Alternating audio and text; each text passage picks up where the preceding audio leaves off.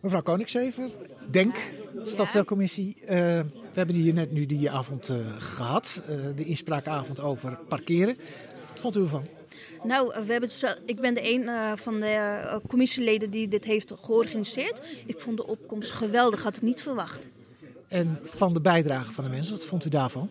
Dat was uh, zeker waardevol, want ik heb heel veel opgeschreven. Ik heb volgens mij drie kanten volgeschreven. En, oh. dat, ja, en dat neem ik echt mee. En wat is nou uh, wat u uh, gelijk bijblijft van nou, daar hoef ik mijn aantekening niet eens voor tevoorschijn te halen om al te weten dat ik dit mee ga nemen. Nou, wat ik echt uh, triest vond, is dat mensen, bijvoorbeeld een uh, mevrouw die, die gehandicapt was, die kon een parkeerplaats niet betalen omdat ze in de bijstand zit.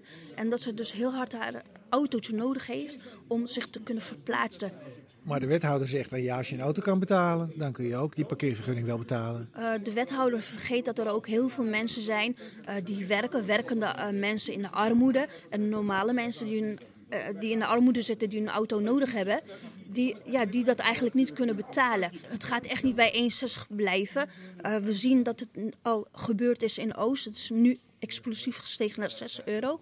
Het gaat echt uh, binnen no time naar 5 of 6 uh, euro per uur. Het zijn niet alleen rijke of middeninkomens die een auto nodig hebben. En er was ook nog een mevrouw die zei: Ja, als ik een beetje boodschappen ga doen in Noord dan uh, ja, moet ik uh, voor dit hier zijn, voor dat daar zijn. Het zijn allemaal verschillende parkeerzones.